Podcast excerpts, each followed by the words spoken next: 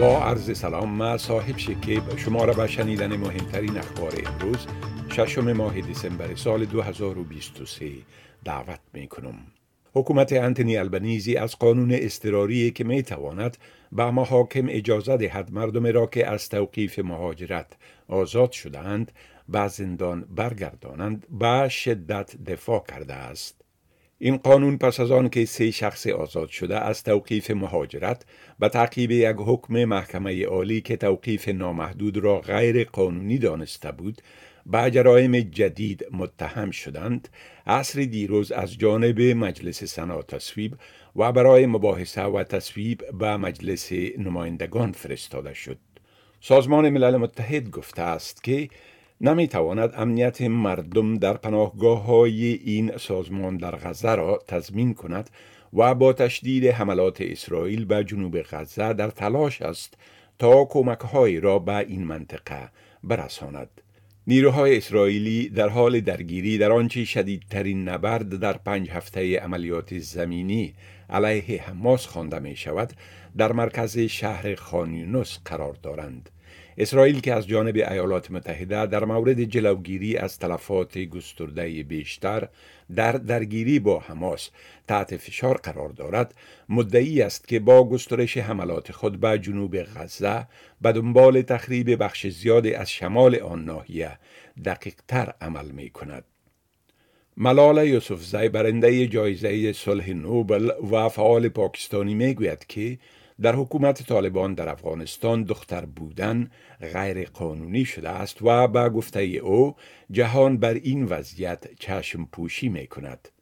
طبق یک گزارش صدای امریکا خانم یوسفزای در سخنرانی به مناسبت دهمین سالگرد مرگ نلسن مندلا رئیس جمهور سابق افریقای جنوبی و قهرمان مبارزه با اپارتایت نژادی روش رژیم طالبان با زنان افغان را اپارتایتی جنسی خوانده و گفت که این روش باید جنایت علیه بشریت دانسته شود.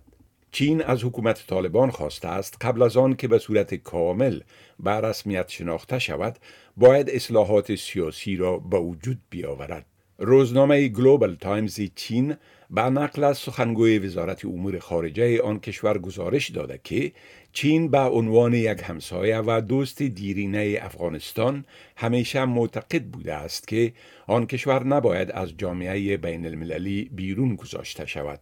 سخنگوی وزارت خارجه چین افزوده است که آن کشور امیدوار است که طالبان با ایجاد یک چارچوب سیاسی باز و فراگیر و اجرای سیاست های داخلی و خارجی معتدل و محتاطانه مبارزه قاطعانه با نیروهای تروریستی متنوع انتظارات جامعه بین المللی را برآورده سازد. رئیس شرکت پسترسانی استرالیا معروف به استرالیا پست می‌گوید که طرحی برای اصری کردن این شرکت که به اساس آن رساندن نامه ها هر دو روز صرف یک بار انجام خواهد شد استرالیا پست را با تقاضاهای دیجیتالی مشتریانش مطابقت می دهد.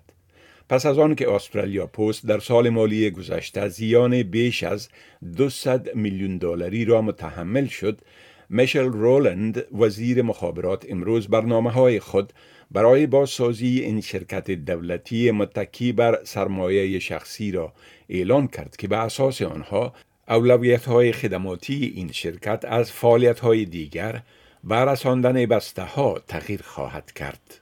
دیو شارما سفیر سابق استرالیا در اسرائیل می‌گوید که هشدار حکومت اسرائیل در مورد سفر به استرالیا نشان می دهد که سطح یهودی سیتیزی در این کشور بسیار بلند است. اسرائیل پس از افزایش یهودی ستیزی ناشی از جنگ در شرق میانه سطح هشدارهای سفر به چندین کشور به شمول استرالیا را دو مرتبه بالاتر از ایالات متحده امریکا، کانادا و نیوزیلند ارتقا داده است. این بود خلاصه از مهمترین اخبار از برنامه دری اس آدیو. شما می توانید گزارش های بیشتر درباره موضوعات گوناگون را در وبسایت ما به آدرس sbs.com.au دری بشنوید و بخوانید.